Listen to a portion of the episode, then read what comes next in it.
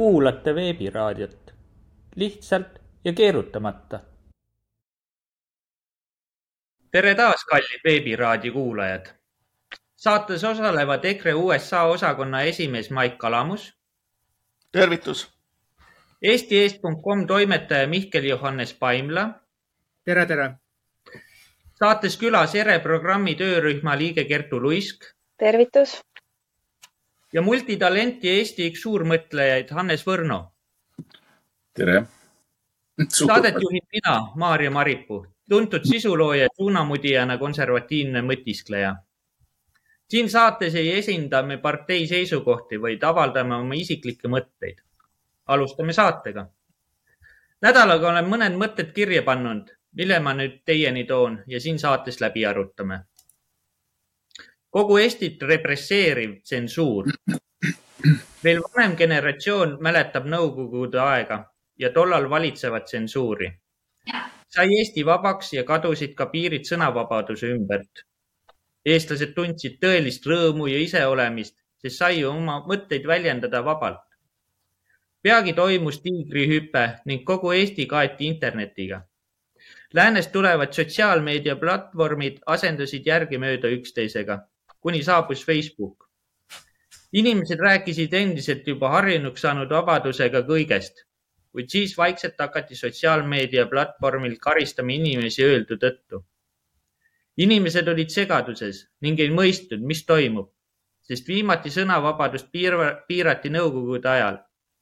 inimesed ei jätnud jonni ning rääkisid ikka edasi oma ühiskonna kriitilistest mõtetest kuni paljude jaoks sai tavapäraseks olla sotsiaalmeedias represseeritud igapäevaselt. nüüdseks on tulnud repressioonid sotsiaalmeediast riigi tasandile ja meid on ootamas vihakõneseadus. olen Kreisi raadioga üles kasvanud ning tunnen tõsiselt uhkust ja head meelt selle üle. kuid kui need naljad tõsta tänapäeva ühiskonda, võib näiteks sügises selliste teemade käsitlemiste puhul saada rahatrahvi või üldse kinni minna kas vana, vaba mõtlemine ja väljendamine igavesti kadunud? kuidas mõt-, noh, kuidas kommenteerite? Hannes, alustame sinuga, reisiraadio oli siin ilus, kenasti nagu välja toodud. ja aitäh. ma mäletan seda, seda aega, seda aeda väga hästi. ma olin, ma olin sellel ajal nii-öelda kõige magusamas vanuses üldse. ma olin tuhande üheksasaja kaheksakümne kaheksandal aastal Tallinna kunstiülikooli või siis praeguse Eesti Kunstiakadeemia esimese kursuse üliõpilane.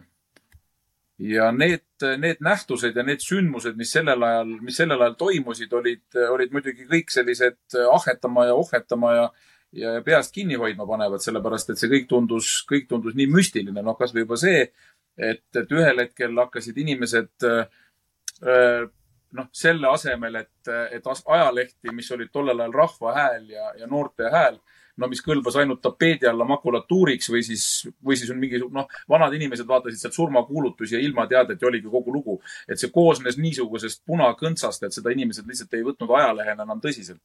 ja siis hakkasid, äh, hakkasid seal edaspidi või see, kui Eesti hakkas hakkas nii-öelda iseseisvuse ilminguid näitama, siis hakkasid ilmuma esimesed Eesti ajalehed ja, ja, ja nendega selles mõttes oli niisugune täitsa huvitav lugu, et, et äh, et see pidi justkui jätma sellise väga sõltumatu meedia mulje, aga kui tagantjärgi mõelda ja vaadata, siis, siis ega need Keskkomitee noored kotkad, kes juhtisid nii Päevalehte kui ka seda Rahva Häält ja muid asju, need kolisid lihtsalt nii-öelda sõltumatusse meediasse üle ja ma arvan, et see oht on tegelikult täna kõikidel meediatel täpselt samamoodi, et kaasa arvatud see, kus me siin praegu esineme, et, et sellel päeval, kui tuleb äh, keegi rahakäruga ukse taha, ütleb, et ma ostan teilt reklaami ja, ja ostan teie eetrisse vot nii ja niisuguseid, äh, niisuguseid sõnumeid või niisuguseid asju, siis on see oht nii-öelda muutuda õukonnameediaks absoluutselt kõigile. Ehk et kõik, kes on, keda on võimalik ära osta, on võimalik teha ka nii-öelda õukonnameedia ripatsiks ja, ja see on, see on täna nii-öelda selles mõttes noh, seesama seis, kus kaheksakümnendate keskel olid mingid raadiojaamad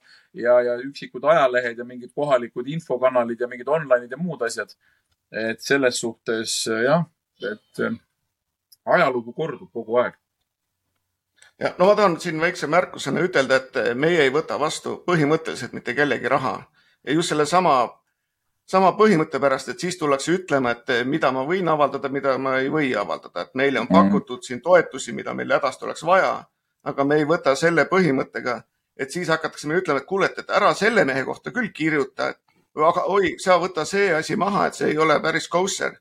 ja ongi, noh, meil on, me teeme kõik seda põlve peal võib-olla natukene kergelt amatöörne, aga, aga asi on selles, et me oma taskust kõik kulud kanname ja noh, me ei taha mitte kellegiga kuskil tegemist teha ja ei taha ühtegi poliitilist või rahalist inimest sisse võtta. et noh, see jääb meil ära ja see, see meie nagu sõltumatust noh, on garantiiks mm.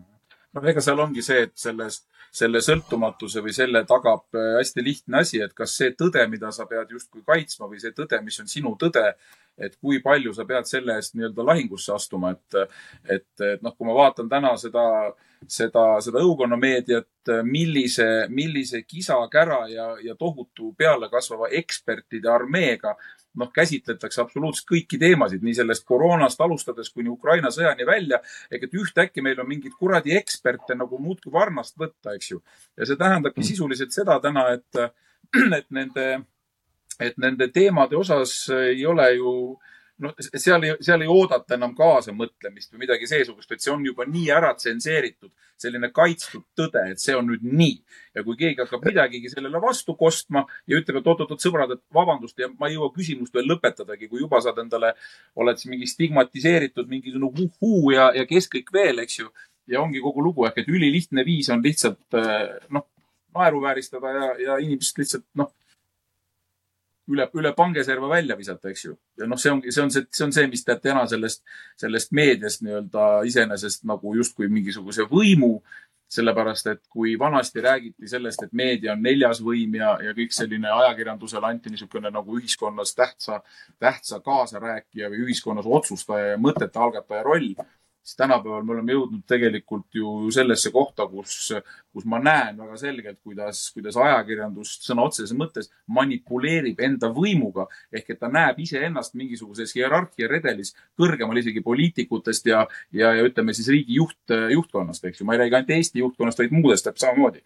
et kui ikkagi mingisugune täiesti kuradi keskastme suvereporter, kellest ühel hetkel saab mingi sügiseks mingisuguse toimetuse osakonda kuskile mingi kirjutaja ja see võtab kätte ja hakkab juba kritiseerima mingi suure riigi presidente või, või, või nende mingit jõu või julgeolekupoliitikat ja muud asja. noh, siis sa ilmselgelt saad aru, et see on lihtsalt niisugune guugeldatud, kokku tõlgitud ja niisugune noh, niisugune korvitäis, korvitäis sodi, eks ju, mis ei ole tegelikult ju ajakirjandus, et mida me siin üldse tsenseerime vast. jah, vaata, meie mõte, meie Eesti Eest portaali mõte on see, et me avaldame kõike, et me ei ütle seda, et seda tohib või et, et me mhm. peame hoopis mingisuguse kindla kindlas raamis olema, et meil on umbes seitse toimetajat, kes kõik oma tasku pealt ise teevad, siis kui aega saavad. aga point on nüüd selles, et me ei hakka ütlema, et, et see on õige või see on vale, et sa pead ise piisavalt tark olema, et sa, kas sa usud või ei usu või sa paned iseendale pildi kokku, et mis siin maailmas päriselt juhtub, et mina mäletan seda, kui mul, kui ma olin poiss ja, ja isa kuulas Ameerika häält, et küsisin, et kas nemad räägivad õigust, siis isa ütles, et ei, kurat, kõik valetavad et Just. põhimõtteliselt, et sa pead ise panema endale pildi kokku, mis siin maailmas on ja see ei ole üldse nii roosiline, kui arvatakse. ja seda, et Eesti no. ajakirjandus või üldse Ameerika majandus, ajakirjandus oleks äh, nagu vaba, noh, see kindlasti ei ole, et äh, just üleeile oli uudis, et CIA on üks suurimaid äh, ajakirjandusmagnaate, et nemad siis üle maailma annavad vastavalt uudiseid laiali, et et ei ole ju saladus, et ka Ukrainast tulevad uudised, tulevad esimesena läbi CIA, et kas, kas tohib või ei tohi. et nii, et kas Eesti ajakirjandus, kellele tema kuulub, seda me ei tea, et kindlasti ta ei ole vaba. ja kust tal need rahad tulevad?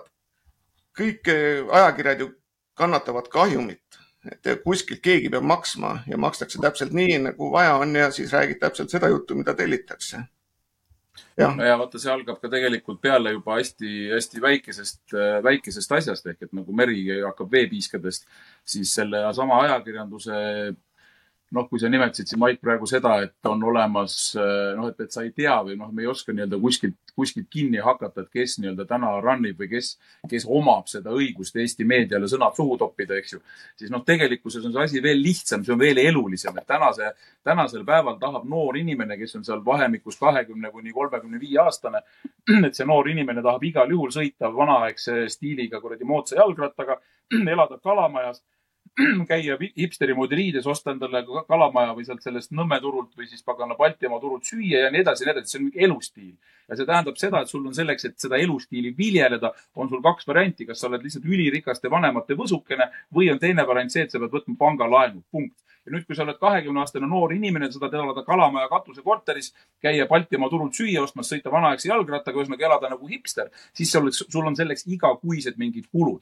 kui see on viissada eurot, on see viissada eurot, kui see on tuhat viissada, siis on see tuhat viissada. aga see tähendab seda, et selle raha eest peab see noor inimene tegema seda, mis talle öeldakse mis tähendab seda, et kui ta töötab juhtumisi ajakirjanduses või ajakirjandusväljaandes, siis ta läheb hommikul kell üheksa tööle ja tal ei ole valida, et kas ta kirjutab sellest nii või ta kirjutab sellest naa, talle antakse kuradi A4 jutupunktidega ja ise guugelda, otsi kuskilt nii-öelda liha nendele luudele külge ja see ongi kogu tema töö, sest ta ei saa isegi oma mõtet väljendada, kuna puhul, kui see ei peaks olema nii-öelda relevantne selle õukonna eh, establishment'iga, siis tähendab see lihtsalt seda, et see inimene saab kinga ja, ja ta jääb oma, oma sellest elustiilist ja kõigest ilma, nii sellest Kalamaja korterist kui ka, kui ka oma moodsast jalgrattast, eks ju. ja nii lihtne see ongi et sõltumatut ajakirjanikku saab nimetada selliseks ajakirjanikuks, kellel ei ole pangalaenu ja kes on selles mõttes nii-öelda iseseisev ja otsustav ja kes ütleb toimetuse peatoimetajale, et sorry, seda artiklit mina ei kirjuta, et see on täielik bullshit ja ma ei tee seda, eks ju aga noh, täna kahjuks on see, et kui sa vaatad, et enam-vähem mingi, kui ajakirjanikud peaksid täitma oma majandushuvide deklaratsiooni nagu poliitikud näiteks, siis oleks see, ma arvan, väga huvitav lugemine, et siis on täpselt teada, et sa saad aru, et kelle nime taga, mis pagana, mis summad seisavad, eks ju, ja miks inimene niisugust iba välja ajab oma suust, eks. jah no., et või, võime natuke korraks rääkida Facebookist, et eh, ma ei tea, kas Eestis nad, kas inimesed teavad, et Facebooki tsensuuri teostab ju Delfi, et eh, noh mm., põhimõtteliselt eh, igaüks, kes on vähegi konservatiivne, on seal endale trahvid kaela saanud, et kõikide, näen ainult uudiseid, mis on kümme aastat vanad, mitte kümme aastat, kümme päeva vanad, et noh ja, ja Delfiga on see huvitav asi, et Delfi käsi ulatub kaugemale kui Eesti. et näiteks kõik artiklid, mis Facebookis avaldatakse, näiteks mis on Kaja või valitsuse või millegi vastu siis nemad saavad automaatselt ploki ja keegi, nad ei pea mitte midagi kellelegi tõestama. nii et Delfil on ülemaailmne käsi sees, et hoida seal Kaja imidžit, anda trahve sisse. et noh, see on uskumatu, kuidas erafirma saab niimoodi teha. ja meie alustasime ka allkirjade kogumist, et allkirjade kogumise mõte oli see, et kui saame tuhat allkirja kokku, siis ma viin selle kohaliku NTD Newsi ja näitan, mis seal Eestis täpselt toimub, aga siiamaani on ainult kakssada viiskümmend inimest julenud alla kirjutada, et eks paljud ütlevad ka seda, et ma ei taha oma nime kuskil avaldada, et äkki tuleb midagi, keegi teeb minu vastu, et, et sina, aga sina tee, et aga, aga me ise ei julge teha. et noh, jah. et anname sõna Kertule. ja, ja, noh, mina olen sündinud aastal üheksakümmend üks ehk siis äh, kõik sõna on kogu aeg nii vaba olnud ja ajalootunnis lihtsalt õpetaja rääkis, et oli üks kole-kole aeg, kus ei tohtinud öelda asju nii, nagu nad olid ja, ja ma täitsa huviga olen mõelnud, et huvitav, mida need õpetajad täna räägivad, kas nad täna ka ütlevad, et oli niisugune kole aeg, kus ei tohtinud asju öelda nii, nagu nad on, aga vaata, ärge sel ja sel teemal rääkige ja kuna mulle on alati, ma olen hästi uudishimulik mm. olnud ja jälginudki meediat hästi palju, iga õhtu ma mäletan, vaatasin seda Reporterit ja see oli nagu nii äge, mulle isegi meeldis, et nad korrutasid ühte ja sama asja selle tunni aja vältel nii mitu korda. see oli, tekitas nagu mingi sellise hasarditunde, et ah, nüüd on see moment ja seda ma juba kuulsin, noh nagu tark tunne oli. ja kui ma läksin ülikooli ajakirjandust õppima ja ma sain esimese aastaga aru, kuidas neid asju tehakse, et noh, mul oli näiteks vaja artikkel kirjutada kolm teemat üks vist lõpuks läks läbi, aga täpselt nii, et no sel teemal me tegelikult ei räägi ja noh, see teema ka ei sobi. siis ma mõtlesin, et mis mõttes nagu, kui mind see teema huvitab, ma tahan süvitsi minna uurida, ma ei kirjuta valet selle kohta, ma tahangi teada, kuidas see tegelikult on ja mul ei lubata seda teha. Natuke nagu kummaline tunne tekkis. Ja ühest aastast piisas, sellest aastast alates mul telekat kodus ei ole, lehti ei loe, vahest mingi huvitavama teema peale vaatan. Ja siis ongi see, et sotsiaalmeedia, ma olen jälginud, need algoritmid ju toovad mulle seda infot, mida mina ise tarbin. Ja siis, siis ma ei näegi, mida Brigitte teeb või kes kellega tülis on. aga, ja seega, et inimesed omavahel seal sotsiaalmeedias jagavadki mingeid huvitavaid momente.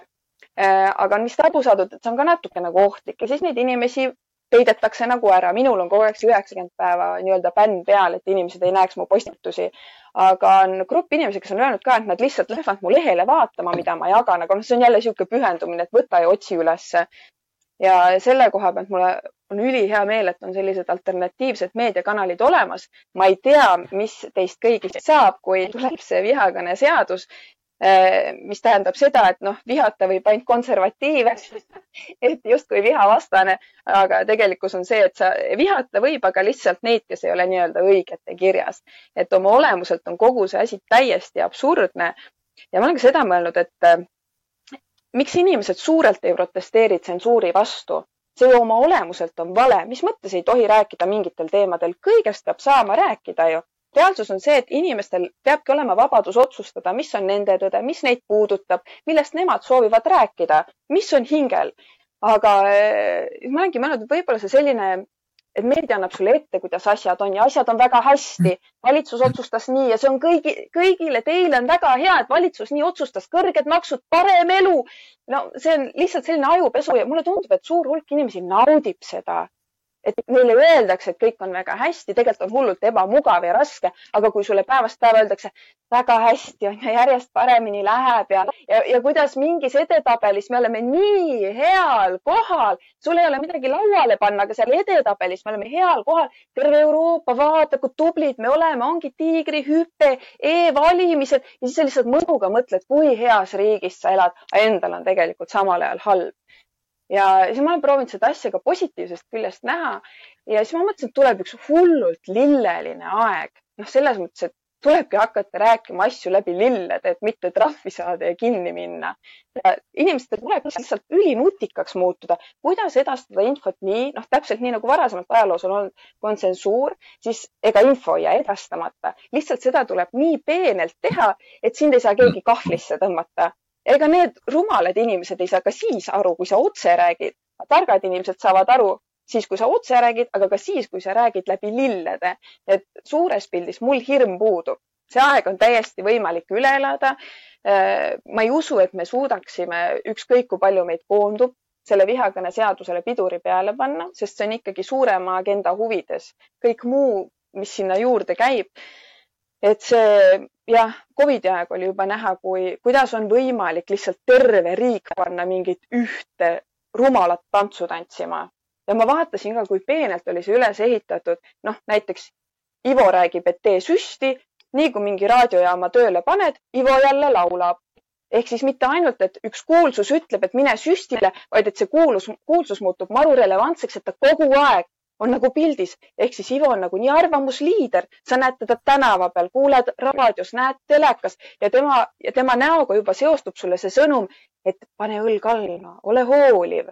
noh, see on niisugune massiprogrammeerimine, aga noh, mul, ma siiski tunnen, et me, me ei ole üks ühine mass, et siin on teatud kvaliteetne mass ka neid, kes mõtlevad ei lähe nende asjadega kaasa.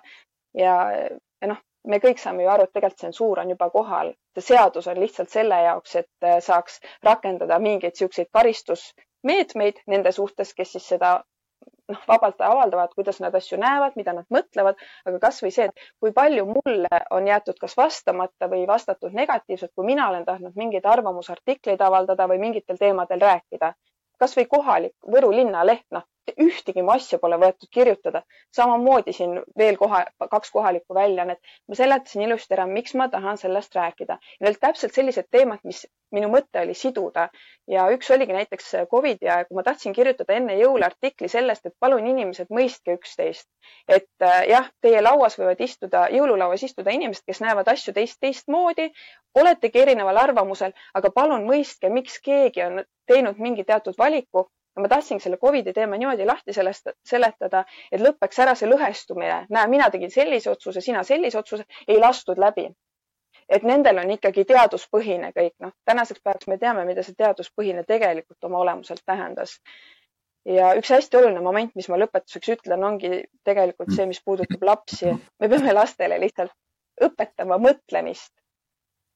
väga lihtne, et ükskõik, mis info väljas nemad hakkavad tulevikus ka olema, see tsensuuri teema võib minna nagu täiesti absurdini välja, et ajaloos on igasugu näiteid, kui, kui üle võlli võivad lollused minna, aga et meie lastes säiliks see võime mõelda, analüüsida. et ma arvan, et see on, see on normaalse elu pant. et meie võime oma sellise mingite, mingite oskuste ja kontaktidega minna hauda ära. noh, mingi hetk kõik sureme, aga see, mis meist maha jääb, on need lapsed ja ma arvan, et see suur, suur panus tulebki tegelikult panna lastesse, et nemad jätkaks seda mõistuse häält, ükskõik, mis ümberringi toimub. aitäh. vaata, seal ongi see teema, et äh, koolid on pandud äh, tegemagi niisugust ülesannet, et voolida lastest mittemõtlevad inimesed. et see ongi, noh, eelmises saateski sai seda nagu nii-öelda käsitletud ja, ja see on tegelikult päris, päris hull. aga ja Mihkel, mis sina arvad? Aitäh. ma kõigepealt äh, räägiks äh, nagu sellest, mis viimastel aastatel nagu on olnud, et äh, kui meil siin räägitakse, et äh, üks äh, nii-öelda siis ravimismeetod on hea ja seda korrutakse meile aastaid ja aastakümneid, aga kõik äh, ütleme siis alternatiivsed meetodid, mis äh, inimesi, ütleme siis niimoodi, tegelikult aitavad, siis äh, need äh, salatakse maha, tembeldatakse inimesi sõna otseses mõttes äh, nii-öelda halbadeks inimesteks, aga mis on selle tulem, et inimesi on hakatud massimeedias järjepanu tühistama ja mina ütlen, et see väga ohtlik tendents, et selle tagajärjel siis ju, kui inimesel on tõesti viimane häda käes, siis tema usub seda, mida massimeedia räägib, aga selle tagajärjel inimene tegelikult ju ei saagi ennast terveks ravida. aga tsensuuri juurde tulles, siis mis siin nagu on öelda, viimased viis aastat on üha enam seda tsensuuri olnud, et et viimased paar aastat seda Covidit on ka näidanud, et äh, konservatiivseid inimesi on massiliselt blokeeritud, et äh, eelmise aasta suvelgi sain kolmkümmend päeva Facebooki tsensuuri ja see, mida USA, see CDC äh, nimetas ja ütles, et see on õige, et mina võtsin teistsuguse seisukoha ja nende algoritmid leidsid kohe, et kolmkümmend päeva plokki kuluks parajasti ära. ja ega viimasel ajal nüüd on selline huvitav asjaolu tekkinud, et otse nagu inimest ära ei blokeerita, küll aga keelatakse gruppides oma arvamuse avaldada, vähemalt postituste näol. aga laiemalt nagu tsensuurist või üldse nagu sellest ajakirjandusest, et meil on tõesti nagu eksperte, kes räägivad, et Ukrainat tuleb toetada ja tuleb raha kõike saata, aga selle tagajärjel inimesed on massiliselt vaesumas ja kokkuvõttes need maksutõusud, need kannavad just eesmärki, et inimestelt lüpsta viimnegi ära, et noh, nagu siin äh, toodi välja, et äh, vihakõneseadust äh, selle massiga ei peata, küll aga on võimalik sõnumit kanda edasi veidi teisel moel, kuid tähtis on, et inimesed suudaksid jääda objektiivseks ja rääkida seda, mida neil tegelikult mõttes on, kasvõi oma inimestega, kui avalikult ei lubata aga ma siinkohal lõpetaksingi, aitäh. et äh, ühe väikse niisuguse kõrvalpõike ütlen, et äh, hakkan mõtlema, milles, kus see tsensuur nagu tuli äh, nagu arvutimaailma. mäletate, kaks tuhat kümme Google tahtis oma otsingumootoriga minna siis Hiina turule. hiinlased ütlesid, et võid tulla, aga meil peab olema võimalus tsenseerida. Google ütles, et ei, neile see asi ei sobi ja läksid laiali nii, aga kaks tuhat kaheksateist läks Google sinna uuesti ja nemad nõudsid, et meil on vaja tsensuuri. jah, te saate ja sellest hetkest alates hakkas see, läks üle maailma, et kõik said endale siis õigused oma maal tsenseerida neid tulemusi.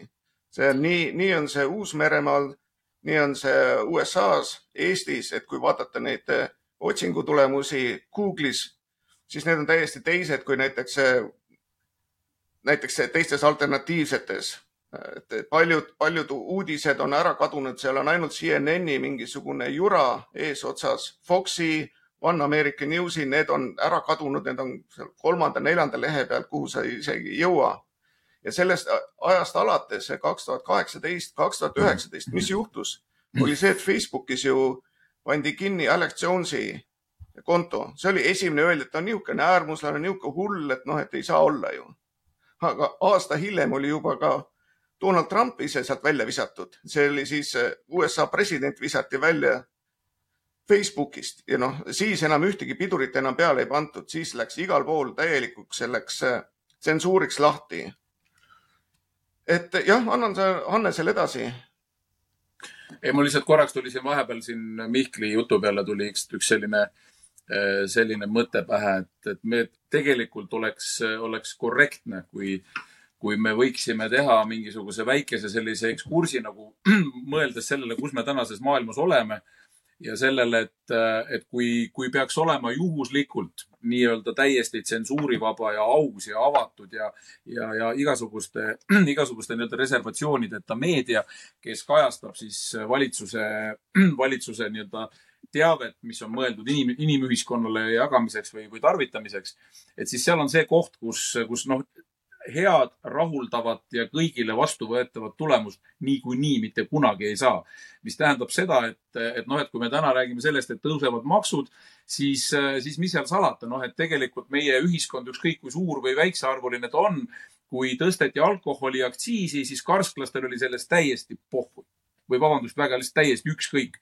kui tõsteti auto mootorikütuse aktsiisi, siis jalakäijatel oli sellest täiesti jumala ükstaskõik nüüd tõstetakse automaksu, nüüd pannakse mingeid neid ja neid ja neid asju, nüüd on nagu varamaks ehk et tegelikult tuleb Eestisse nii-öelda sisestatakse varamaks. nüüd on küsimus selles, et kas selle eesmärk on nii-öelda eestlasi vaesustada ja seda riiki nii-öelda siis nagu vaesemaks teha kui see on nii, siis küsime, okei okay,, kelle huvides see on? noh, tõenäoliselt nagu me viimastel aegadel oleme näinud, siis see on selgelt selle, selle huvides, et et meil on, meil ei ole Eestis pärast, pärast Laari valitsust ei ole sisuliselt enam ühtegi Eesti kapitalil põhinevat panka mis tähendab seda, et nii-öelda nagu Rootsi pankadele koridor lahti lükati, puhtaks tehti, nii tähendas see sisuliselt seda, et kõikide Eesti ettevõtete omanikud, eestlastest ettevõtete omanikud võisid sellel päeval põhimõtteliselt hakata unistama sellest, et ma saan kuskilt laenu, sest tõenäolisem oli alati see, mida on ka ajalugu ja praktika näidanud paraku. Et, et, et pangad lasevad hea meelega Eesti väärt, väärtuslikud Eesti ettevõtted nii-öelda äh, praktiliselt sinna kohta välja, kus on ainult nii-öelda saneerimisvajadus veel, et, et siis üldse midagi päästa. ja see tähendab sisuliselt seda, et siis nagu loomulikult Eestis seda raha ei ole ja sellepärast on see, on see nii-öelda saneerimisele minev firma, läheb seda teed, nagu on läinud kõik mobiilioperaatorid, nagu on läinud kõik arvutivõrgu teenust pakkuvad ja nii edasi ja nii edasi ja nii edasi, mis tähendab seda, et see on tegelikult välisettevõtetele nii-öelda maha müüdud, maha müüdud ettevõtlus. ja see tähendab sisuliselt täna seda, et kui selline ettevõtlus on maha müüdud, siis, siis ma meenutan ühe oma hea sõbra sõnu, kes ütles kaheksakümnendate lõpus, üheksakümnendate alguses. ütles, et näis, näis, kaua seda iseseisvust jätkub, sest ta oli niisugune vanakooli mees ja tema ütles, et tema jaoks jaoks tema jaoks on iseseisvusel mingid teatud, noh, ütled, et see võib, see võib olla äh, rudimendi, äh, rudimendi tunnustega, aga sinna ei ole midagi parata, sest see peab ühel rahvuslikul uhkusel nii-öelda väetiseks olema. ja kui üks riik tahab olla iseseisev, siis see on kuradi kallis ettevõtmine, mis tähendab seda, et ühel iseseisval riigil on oma valuuta, oma lennukompanii ja oma jõustruktuurid nüüd ma küsin, kas Eestil on oma valuuta, kas meil on oma lennu, rahvuslik lennukompanii ja kas meil on oma rahvuslik julgeolekuvägi? ei ole me oleme, me oleme NATO nii-öelda, Eesti on NATO või NATO on Eesti ehk et me tegelikult juhindume nii-öelda alliansi sõjalistest reeglitest. esiteks, teiseks on meil juba ammu, oleme me nii-öelda sellest valuuta koridorist nii-öelda läbi tõmmatud ja sellesse eurotsooni sisse tassitud, eks ju. ja, ja see viimane, mis oli see lennukompanii, selle, noh, see on lihtsalt nii piinlik, et seda ei taha meenutadagi, eks et, et see tähendab sisuliselt seda, et niisugused rahvuslikku eneseuhkust tõstvate selliste nii-öelda sümbolväärtustega jube kallid asjad. noh, see on nagu rikka inimesel, kel peab olema uhke auto ja maani kasukas, muidu keegi ei saa aru, et ta rikas on, eks ju. vot iseseisval riigil on umbes samamoodi, et seal peavad olema mingid teatud tunnused, et kõik saaksid aru, et ahah, selge, need tüübid teavad mingit oma asja noh, täna on see, et kui ma olen, ütleme kuskilt kuu pealt ja ma tulen siia, siia planeedile, eks ole, ja ma vaatan, mis toimub, siis ma küll aru ei saa, milles see Eesti iseseisvus seisneb. kui Eesti on kaetud kuradi Ukraina lippudega ja, ja, ja, ja, ja kõik see muu, mis siin toimub, ei ole kuskilt otsast enam Eestiga mitte mingit pistmist. noh, vabandust et äh, vaadake, mis toimus sellesama NATO kokkusaamise ajal siin mõni, mõni, mõned päevad tagasi. see, mida on tehtud äh, Leedu riigi sümbolitega ehk et riigi vapiga ja riigi lipuga ehk et see on mingisugune ära siirutatud, viirutatud, mingi hajutatud punakolla roheline, mingisugune toon toonis läheb üle, see on Leedu rahvuslipp ja seal keskel on siis mingisugune stealth keraamikaga loodud mingisugune sea näoga mingisugune ratsur sea seljas, eks ju. noh, mis peab olema see leedulaste kuningas Mindaugas. et noh, et kui need leedukad ise selle tegid, siis ma küsin, mis teil juhtunud on?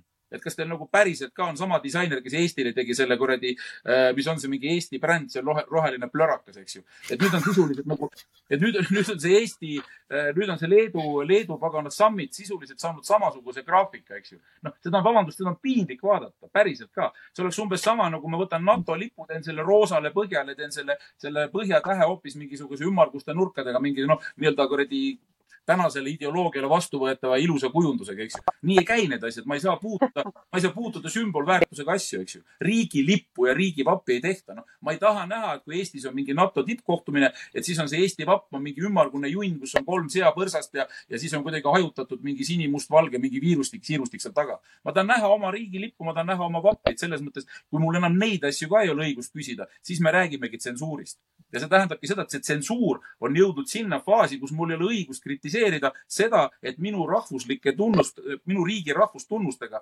tehakse mingisuguseid noh, noh sõna otseses disaini, disainikonkursse, eks ju. noh, asjadega, mida ei peaks nagu enam üle disainima. et järelikult ei ole meil ka see asi veel valmis siis või? Sorry, ma rääkisin liiga pikalt juba.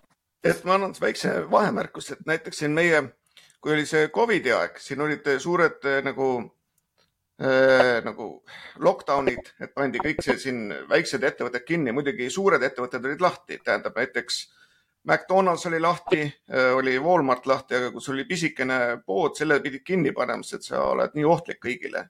nii, mis juhtus, oli see, et Montgomery County's, mis on üks rikkamaid county sid terves Ameerikas, pandi kaheksakümmend protsenti pisifirmadest kinni. põhimõtteliselt kahe aastaga ja, ja mis toimus? Mis, mis praegult toimub, on see, needsamad kauplused on üle võetud suurte korporatsioonide poolt. Needsamad restoranid, nüüd on seal ainult teised märgid peal, nüüd on seal peal Subway ja kõik, kõik muud, aga need väiksed kohad on, kõik on kadunud ja sealsamad korporaadid lihtsalt võtsid nad need põhimõtteliselt pankrotis firmad üle ilma mitte millegita ja nad naeravad. suurel kompaniil on alati raha kõrvale pandud. näiteks kui ma rääkisin eh, Las Vegas ühe hotelli omanikuga et noh, et, et kuidas teil seal on, et oli Covid ja asjad, ütles ei, meil on alati kõrvale pandud raha, et siis, kui jälle mingi kriis tuleb, siis me teeme remonti ja me oleme arvestanud sellega. Nemad elavad üle, väikefirmad ei ela üle. siin minu enda tuttavad läksid niimoodi pankrotti, et noh, põhimõtteliselt jäid, oli firma, firmale ekstra laenu võetud veel enda mortgage'i ehk majalaenuga veel juurde ja noh, kõik läheb spiraali pidi alla ja kõigest ilma, et see on nii kohutav, mis siin toimunud on. et, et see on äh, lihtsalt need suurfirmad, näiteks kui küsime, kes valitseb maailma, on selline firma nagu BlackRock olemas. BlackRock omab praktiliselt kõike. BlackRock on ka firma, kes hakkab seda Ukrainat üles ehitama. ta on põhimõtteliselt pensionifond. no kuna ta ise ka Black... lõhkus Ukrainat. täpselt, täpselt ja, ja kes on kõige suurem demokraatide sponsor? kes toetas BLM-i kõige suuremalt? loomulikult BlackRock, mitte otseselt, vaid BlackRock on äh, suurem osa kõikide nende suurfirmade nüüd osanik. võite vaadata Adidas, Nike, kõik, kes andsid sinna BLM-ile raha, kõik, kes andsid sinna transu asjale raha, kõik on seal taga, on sellesama BlackRocki kõrvad. ja samamoodi ma ei imestaks, kui see BlackRock on juba jõudnud ka Eestisse ja, ja teinud oma investeeringuid seal vastavalt, mis seal tulemas on. see me, seda me ei tea ju, kõik on kokku lepitud, pärast saame alles teada, mis Eestis selle juhtumas on. jah, palun, Kertu. Ähm, seoses Hannese toodud nende näidetega, et mis on siis iseseisva riigi tunnused. Äh, mina arvan, et meie iseseisvus jääb selle taha, et meil ei ole neid inimesi, kellel oleks selgroogu ja muid organeid, millega oleks võimalik äh, riiki hoida, sest kui me võtame näiteks äh, Äh, kui palju on meile maksma läinud Euroopa Liit, kõik need igasugu sanktsioonid, saadame sinna raha, sinna raha, oi, nüüd te saate selle trahvi, nüüd lähme kohtusse. kui palju on maksma läinud NATO, siis asi ei ole rahas. me oleme kõigi nende asjadega tõmmanud enda miinust lihtsalt suuremaks ja suuremaks. ja kui meil ees otsas oleks inimesed, kes ütleks, kuulge, kuulge mehed, nalja teete või? see on ju jura, me ei võida sellest mitte midagi, me anname ära oma vabaduse, oma ressursid, oma maa, oma in- ja mitte lihtsalt nagu riigi vabaduse, aga ka inimeste vabaduse, kõik need äh, sellised, noh, kasvõi see sõnavabaduse teema ja igasugu muud äh, ideoloogiad, mida peale surutakse. Äh, pluss see, palju meile läheb maksma see, et me võõrpankasid nuumame. tegelikkuses ressursi seisukohast on iseseisvus igal juhul odavam ja jätkusuutlikum kui see, mida täna viljeletakse, aga lihtsalt puuduvad need inimesed, kes koonduksid ja ütleksid või noh, võib-olla need inimesed on olemas, aga nad lihtsalt pole koondunud, et seista selle jura vastu ja öeldagi kõva häälega välja. Ja nii kõva häälega, et inimestes endas ka tekiks mõte, et no võib-olla võib-olla ongi kõik võimalik, lihtsalt me, me ei suuda vaadata mööda sellest valest, mida meile kogu aeg korrutatakse, et tuleb Euroopa Liit ja kui hästi, siis, siis on nagu igast maakolkast tehakse lihtsalt üks villade paradiis ja raha nagu muda ja piimaliitri eest saad niimoodi, et pisar tuleb rõõmust silma, noh. Et äh, tänasel päeval me oleme juba seda jura nii palju näinud, et ma arvan, et meie asi ongi öelda inimestele järjest kõvemini ja kõvemini, et kuulge, see on, see on jama, see on illusioon, et me peame ja noh, näiteks meil äh, erakonna programmis on ka sees punkt, et äh, mis tahes välislepped, mis lähevad vastuollu äh, meie põhiseadusega, tuleb kas ümber teha või tühistada. minu jaoks täiesti elementaarne asi, aga siis hakkavad inimesed jaurama, et oi-oi, aga Euroopa Liit ja kuskil on ikkagi kuklas tiksub, et see on meile maru kasulik. vabad piirid ja nii edasi, noh, mida need vabad piirid meile täna toovad, väga suure tõenäosusega palju jamasid mis puudutab seda moslemite marssi, mis siiapoole teel on Euroopasse. et äh, mina arvan, et Eestil on olemas see võimekus olla iseseisev, aga see taandub kõik puhtalt ainult inimestele, et kas inimesed võtavad ennast kokku ja hakkavad enda vaba riigi eest seisma, ennem kui on hilja. no siin ma ütleksin ühe väikse asja, et mina ei näe mitte mingit äh, varianti, et Eesti oleks praegu iseseisev, et äh, noh võtke meie valitsus, võtke valimised, mis viimased olid, see oli räige, räige pettus, kus eh, Venezuela erafirma tegi siis eh, Eestis valimisi ja tehti valimised täpselt sellised, nagu vaja oli. ja noh, ütleme Eestis pole oma raha. Eh, kõik otsustatakse seal Brüsselis, eestlased ainult ilusasti löövad selle kummitempli alla. kõik, mida USA demokraadid nõuavad, eestlased teevad. see on ju selge, et USA saatkond on otseselt Eesti poliitikas ja mõjutab seda igatepidi, et mis iganes nad räägivad, sest noh, näiteks see viimane pedepropaganda, USA riik annab ju kolmkümmend miljonit dollarit selle jaoks, selle USA maksumaksja raha no,. väikse riigi jaoks see kolmkümmend miljonit on väga suur raha. ja siit ütelda, et näiteks, et mida mhm. edasi teha, mis konkreetsed plaanid on, näiteks võin ütelda, noh, nüüd vist väga saladus enam ei ole, kui ma ütlen välja, meil on plaanis hakata tegema raha kogumist, et minna Eesti riigi vastu Euroopa kohtus, et äh, näidata, mis see e-valimised on, kui suur see pettus on ja teha seda kõike avalikuks välismaa meedias, eriti Foxis, One American Newsis ja meil on veel teisi huvilisi, kes oleks nõus seda infot avaldama. et see on ainukene võimalus, kuidas me saame survestada seda Eesti suve, ütleme süvariiki, mis on põhimõtteliselt, me ei teagi, kes seal tegelikult taga on, kas on kapo või on USA saatkond, et minna ja sundida neid seda süsteemi muutma. et loomulikult, eks see tuleb raske tee, aga kui meie ei tee, siis kes see, kes see muu teeb? jah ehk et, ehk et see, mis ma tahtsin öelda, on see, et me oleme täna näiliselt võttes, me oleme nii-öelda maailmavaateliselt äh, ühes, ühes mingisuguses koridoris. meist vasakule ehk et nii-öelda lääne poole jääb korter number üks, paremale jääb korter number kaks, kus elavad nüüd ühes elavad siis nii-öelda mikihiired ja teises elavad matrjoškad. ehk et me elame ida ja lääne mõtteviisi vahel trepikojas sest et see on geopoliitiliselt sõja, sõjalis-taktikaliselt kõige parem nii-öelda pind, kus üldse mingit sõda pidada. sa saad siin liigutada igasuguseid manööverüksuseid, siin on kuradi soid ja rabasid, metsi ja seda värki, et sa saad üsna suuri asju liigutada niimoodi, et sul on, on igal juhul nagu maastikust tulenevalt mingisugused lahingulised eelised või vastupidi, lahing, noh, mingid probleemid, eks ju.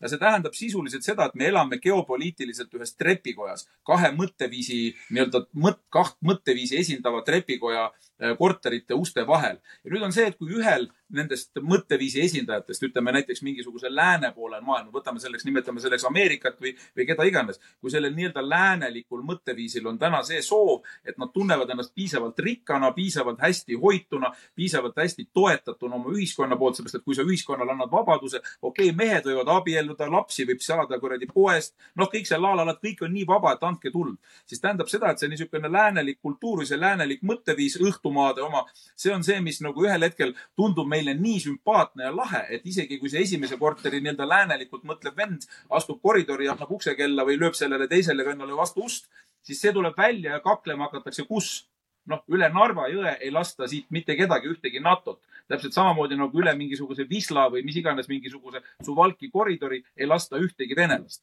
mis tähendab seda, et tegelikult on Baltimaad ja Poola ja see väike tükikene Euroopat siin ainult selleks, et oleks üks polügoon, kus pidada nagu lahinguid. ja sellepärast ei ole meil ka mõtet nutta selle Nursipalu pärast, sest tegelikult on point selles, et me oleme ise kogu nelikümmend viis tuhat viissada kaksteist ruutkilomeetrit Eesti Vabariiki, me olemegi üks kuradi polügoon tegelikult selle kahe mõtteviisi vahel, et kui täna on nii-öelda ühel rohkem mune, kui täna on Mikk-Iirel rohkem mune, siis ta lihtsalt teeb seal koridoris oma asja. Paneb siin oma pildid seina peale, teeb nii-öelda oma elu. Ja kui sellel teisel hakkavad ühesõnaga ühel hetkel läheb rind karvaseks ja otsustab, otsustab ka tugev olla, siis ta tuleb sinnasamasse koridori ja läheb seal jälle kakluseks, et me oleme seda ajaloos ainult seda näinudki, kuidas meie kohal mingid sõdurisaapad trambivad, eks ju ja see on see koht, kus me ei saa ära öelda seda, et kas me oleme iseseisvad või et kas iseseisvus on odav või mitte, ma ei taha vaielda Kertuga. aga suures piiris ma tahaksin öelda küll, et see nii-öelda, et see iseseisev olemine on, on meie jaoks tegelikult üsna suur ja pragmaatiline küsimus ehk et kas me oleme iseseisvad eh, noh, nii-öelda siis eh, de facto või de jure ja, ja see, see ongi täna tegelikult see koht, kus ma, kus ma julgen öelda, et see lõhestumine või see ühiskonna pooldumine on tegelikult täna ikkagi väga selles samas kohas, et meie mõtteviis on samamoodi nii-öelda koridoristunud. ehk et osa neist inimestest on väga nii-öelda siis nagu avatud läänemeelsele mõtteviisile ja osa on veel siis nii-öelda ida ja sellise bütsantslikule ja konservatiivsele ja nii-öelda siis mingi, mingisugusele niisugusele täiesti tagurlikule maailmale justkui orienteeritud. Ehk et traditsioonide versus siis absoluutse mingisuguse noh, nii-öelda niisuguse vabaduse vahel, eks ju ja me oleme selles koridoris, me peame selle, selle, selles, sellega kuidagi leppima, et, et minu arust kõige lahedam viis oleks üldse see, kui saaks kuidagi kuskil mingisuguse maatüki ja öelda, et nii, sõbrad, et kes te tunnete ennast eestlastena, võtke oma sinimustvalged lipud, et meile anti kuskil täpselt sama suur tükk maad, noh, nii nagu tehakse need maadevahetusasju, onju. et saaks lihtsalt kõik kuskile kolida, ma ei tea, ma koliks kuskile Aafrikasse või kuskile, kuskile soe, soemasse kohta, kus ei oleks talve ja kus oleks mõnus ja chill ja mulle väga sobiks, et nii-öelda nagu vennad Johansonid laulsid, hei poisid, kas olete valmis, siis lükkame korraga jah, noh, South Dakota praegu kutsub kõiki inimesi enda, endasse kolima, sest et noh, muidugi Eesti mõistes on seal korralik suvi, noh, talv on, ütleme kolm kuud, aga ikkagi on seal soe. et noh, tööd on seal palju ja raha, raha liigub. et tahtsin siin natukene rääkida Ameerika presidendivalimistest, et siin on demokraadid, nüüd on enda valimised ja siis eh, republikanid on oma valimised, kes nende peanumbriks saab ja näiteks selline inimene nagu Robert J Kennedy, kes on siis Kennedy'te klannist. temale on eh, ka kehtestatud täielik tsensuur ja seda on tema enda demokraatide poolt, et Youtube'ist noh, võetakse paari päevaga mm. kõik tema need videod maha.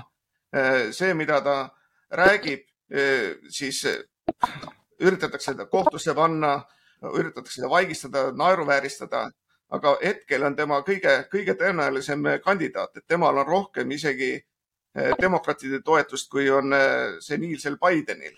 nii et noh see ainult ei, ei ole seal, see on lihtsalt see establishment, see on sama jällegi BlackRock, ütleme, kompaniid on läinud liiga suureks, et kui võtame seda, mis juhtus eh, tuhat üheksasada kaheksateist ja niimoodi, kui üritasid suured eh, oligarhid üle võtta Ameerika poliitikat ja selle vastu siis eh, Standard Oil lõppude lõpuks tükeldati, et ei, ei poliitiliselt nii vahele ei trügiks, siis Ameerika on praegu täpselt samas olukorras, kus BlackRock, kes omab ise ka veel teisi suuri Vanguardi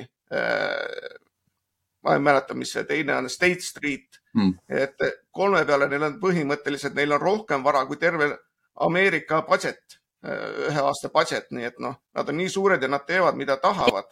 Ja nad ise valivad, kes see siis sinna etteotsa läheb ja kas üldse siin valimisi tuleb.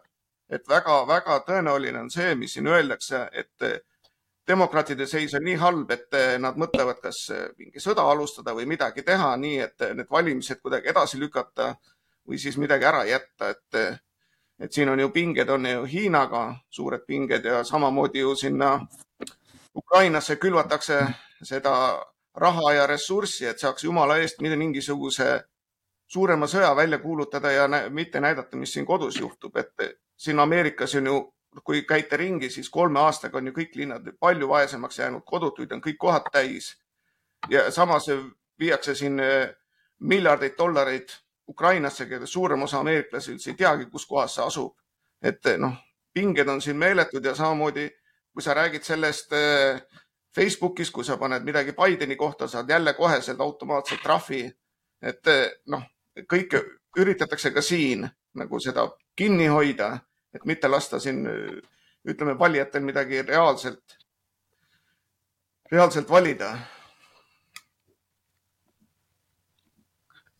Et muidugi ka koroona asja koha pealt rääkides et eh, siis oli ka ju ja isegi praegult on ju, kui sa vaatad need vaktsiinikahjutused ja, ja muud asjad, sellest rääkimine on täitsa tabu ja kui otsid kuskilt eh, eh, Youtube'ist või Google'ist, siis sa ei leiagi palju, aga tegelikkuses, kui siin oma tuttavatega rääkida, kellel on olnud üks või teine probleem tänu sellele vaktsiinile, siis seda ei lasta kuskile välja. see hoitakse ka nii kinni ja üritatakse seda näidata, et, et sa oled eh, siis kas teaduse vastu või siis ekspertide vastu, et kui midagi üritad ütelda, siis et noh, põhimõtteliselt, kas sa oled siis doktor, et sa võid midagi, et see, et sul endal võib mingi mõistus peas olla või et kui sa näed, et vihma sajab, et siis sa ei pea ju metroloog olema, et näha, et ikkagi vihma tuleb, on ju, et et noh, see on tavaliselt liberaalide väide, et noh, kas siis, kui kraanist vett tuleb, on ka vihm või? noh, see on, see on nihukene idiootsus ja niimoodi üritatakse sind eh, nagu lolliks teha, kui veel võimalik on. jah, annan Kertule edasi. Äh, mulle väga meeldis see Hannese mõte, et, et meil ongi siin erinevad inimesed, et kes on siis sinna Mikihiire ukse poole ja kes on Matrjoskade ukse poole. Äh, noh, mina isiklikult, mind ei huvita kumbki uks, sest ma tean, mida tähendab eestlaseks olemine ja ma tean, kuidas ajaloos selline kummagi ukse poole lootmine, mida see kaasa on toonud.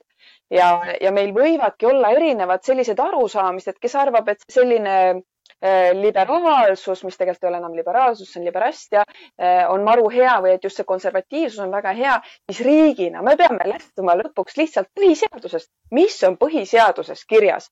see, kuidas keegi midagi eelistab, võib-olla keegi on üldse Hispaania või mis iganes, tunneb, et tema hing asub seal, mida iganes, aga niimoodi riigi juhtimise seisukohast peab ikkagi olema väga kindlalt paigas. meil on põhiseadus ja me peame sellest lähtuma ja öelda, et noh, kolib, kolidagi siis kõik koos ära, sest siin on maru ohtlik.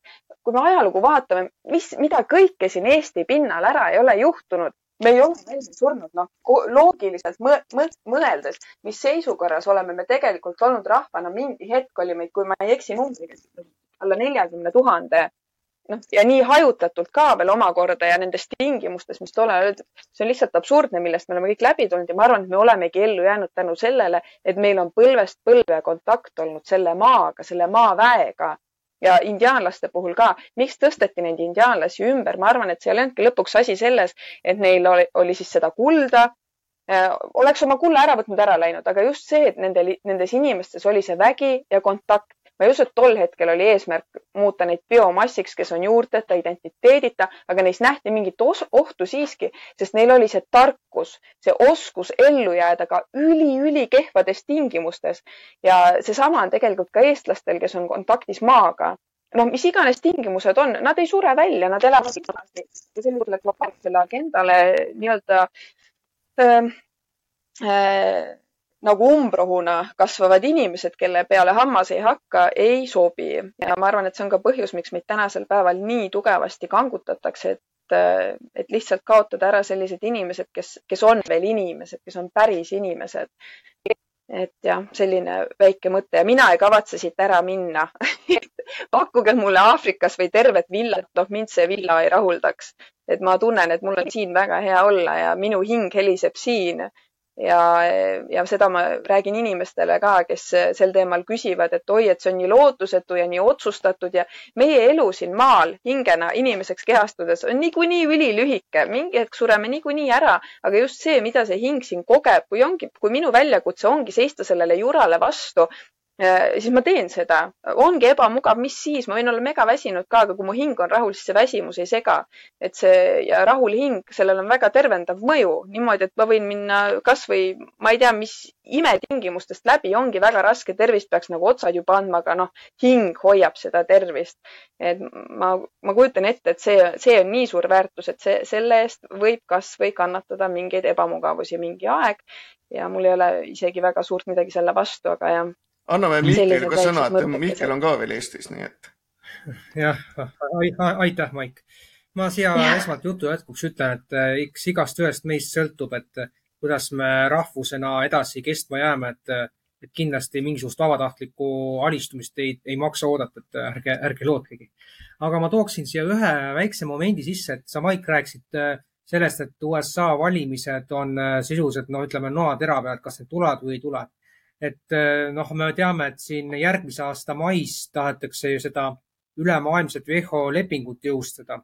Ja selles valguses muutub ju väga kahtlaseks see, et kas eh, järgmise aasta juunis üldse Europarlamendi valimistel mingisugust mõtetki on, sest eh, kui me siin toome välja selle, et noh, ma sattusin lugema ühte nii-öelda uudislõiku sealt valitsuse kodulehelt, kus osad riigid, Euroopa Liidu omad saavad kohti juurde aga seal paistis veel silma üks niisugune äh, nüanss, et tahetakse luua üle-euroopaline valimisnimekiri. Ehk siis äh, igast riigist justkui peaks saama üks äh, lisasaadik veel omale koha. Ehk siis kakskümmend kaheksa liikmesriiki on Euroopas, siis minul isiklikult küll ei, ei tule nagu mõttesse enam selles valguses ühtegi erakonda või niimoodi toeta, et no need Riigikogu valimised, mis need veel olid, et siis küll jah, aga praegu, kui sellist jaburdust läbi lastakse, et üle-euroopaliselt hakatakse valima mingisugust saadikut, kes ei ole minu äh, eelistuski, siis no vabandage väga, et mis mõtted neil Europarlamendi valimistel on.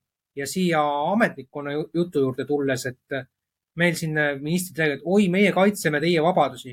mis vabadusi teie kaitsete, kui teie Riigikogu liikmete, siis valitsuse liikmetena olete sellest järjekindlalt üle sõitnud ametnike huvide eest. et äh, selgelt me saame aru, mis kuradi mängu teie meiega mängite, et äh, ei ole mõtet meid äh, lolliks teha, et selles suhtes te võite rääkida meile milliseid ilujutte tahes, aga ametnikud tagataustal teevad ju selle töö ära, mis ministrid lõpuks lihtsalt vormiliselt heaks kiidavad. siit väike küsimus, et Mihkel, kas sa tead, kes on kõige suurem omanik, sponsor WHO-l? World Health Organizationis. no kui me räägime eraisikutest, siis eh, kahtlemata Bill Gates. täpselt, et tema on see, kes seal, see World Health Organization on erafirma, eraorganisatsioon seal ja, ja neil on õigus siis riikide üle, et ne, neid pole mitte keegi valinud. ja, ja noh, ütleme, ta on veel erakapitalil, et kui inimesed arvavad, et World Health Organization tahab me head meile, siis kindlasti mitte, et see on äh, täpselt äh, vastupidine, et nemad on need, kes tahavad kontrolli. samamoodi on United, United Nation, et äh, noh, neid omanikke me veel ei teagi, kes seal täpselt taga on, aga, aga kuna nad ajavad seda globalistlikku, kommunistlikku asja, siis kindlasti Hiina riik on seal kõige suurem ütleja ja ka ma arvan, et suured korporeidid. jah, Maarjo ja selles suhtes, et äh, kui nüüd see, ütleme, vaktsiinide teema oli, siis äh, mul jäi silma Johnson and Johnson oli üks, äh, kes ka hullult seal arendas igasuguseid vaktsiine ja teemasid välja, et ilmselgelt ta oli samuti üks mõjukaid korporatsioone aga kui minna nüüd natukene selle Annese jutu juurde tagasi koridoride teema ja ärakolimise suhtes, siis äh, äh, meil oli see mm,. no nüüd mul läks nimi meelest ära. kes see advokaat oli? Sarv? ja oli, oli. Robert Sarv, jah. Robert Sarv, just täpselt et ta ju Hispaaniasse tahtis teha oma kogukonda, et äh, mingi süstivaba, et need, kes ei ole nagu vaktsineeritud, et need teevad siis oma kogukonna Hispaaniasse ja, ja siis hakkavad seal niimoodi elama nagu riik riigis, et Eesti, Eesti Eesti kogukond nagu seal, et siis võikski öelda, et me oleks siis väike killuke Eesti riiki on siis nii-öelda Hispaanias. ja. Aga hakkame äkki otsi kokku tõmbama, et anname igale ühele veel sõnad, anname Kertule esimesena. jah, aitäh. Eh, ma ütlen ära selle peale, et põgeneda ei tohi et jääks see kõlama, et mis iganes situatsioon on, kui ta on nagu hästi nõme eh, ja sa lähed sellest välja lihtsalt sellepärast, et noh, no nii nõme on, ei taha nagu tegeleda, siis äh, vastupidi, et seda tuleb vastu võtta ja noh, mul on igasugu näiteid sel teemal, aga jah, tänasel päeval ma tunnen, et kui me lahkume Eestist, siis see on põgenemine ja see situatsioon, mis tahab tulla meid, meile midagi õpetama, kasvõi seda, et seisa enda eest, seisa selle eest, mis on oluline või püha, siis see olukord tuleb meile järgi, see on fakt uskuge mind, palun. ja mis puudutab seda World Health Organization'it, siis tegelikult hiljaaegu Eesti liitus ühe sellise asjaga nagu World Council for Health, kus või, ja lühend on WCF, kaks siis WCF, võite Facebookist üles otsida ja ongi nagu Eesti alaliin siis, et me vaikselt seal toimetame, tõlgime mingeid tekste eesti keelde ja selle mõte on siis, et tekitada alternatiiv sellele, kus on, et ei, sa pead seda, toda kolmandat tegema ja põllumajandus on ikka mürgi pealt ja, ja tuleb ikka süstida, süstida, süstida, siis seal on just see alternatiiv, et inimesed saaksidki jääda paigale, aga tuleb äh, süsteem, mis on just inimeste poolt, inimeste heaks ja seal on samamoodi teadlased, meedikud, aga just need sellised, kes ka Covidi aegu ütlesid, et kuulge, et ei, et see päris nii ei saa olla. et äh, selles mõttes ei maksa üldse lootust äh, kaotada, et inimestel lihtsalt tuleb tegutseda ja näidatagi välja, mida me soovime, mida ei soovi, tegutseda ja hoida, hoida tuju hea, et see on ka väga tervendav igasugu lolluste keskel, et minna stressi ja meeleheitesse, siis sa juba toidad seda satanismi energiat ja seda pole vaja. aitäh. nii, Mihkel, viimased sõnad. jah, ma selles suhtes suuresti jagan siin eelkõneleja sõnu, et tuleb äh, leida nagu eneses väljund, mis äh, vaimses tasandis nagu hoiab nagu energiat sees ja ennekõike tuleb äh, tegutseda selle nimel, et mis siin ka tulevikus tsensuuri ja kõige selle muuga ka ei hakkaks juhtuma, et säilitaksime ikkagi kaine pea ja selge mõistuse. jah, aitäh, Mihkel. et mina veel ütleksin nii palju, et mis me teha saame? me saame teha rohkem podcast'e. Eh, siin teema, teemad, mida me räägime, on kõik meil portaalis eesti.com, soovitan minna sinna iga päev vaatame, iga päev paneme sinna uusi uudiseid ja räägime ilma ühegi filtrita, et eh, loodan, et teil on endal nagu aru peas ja saate aru, mis on tõde. et eh, see on üks, üks võimalus, kuidas meie selle tsensuuri vastu võitleme. et see on minu poolt kõik ja palun, Maarjo ja mina ütlen ka, et kuulake veebiraadiot lihtsalt ja keerutamata ja ma arvan, te saate palju targemaks, sest siin on väga nutikad inimesed koos. Ja üritame ka nii-öelda saadetesse tuua ka väga nutikaid ja kõvasi äh, tegelasi juurde, et ähm, aitäh, kallid sõbrad, et meid kuulasite, järgmine kord taas teiega ja siis juba uute teemadega. kõike head ja nägemist. nägemist, nägemist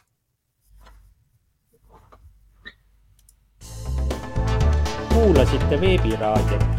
külastage kindlasti ka meie uudisteportaali www.eestieest.com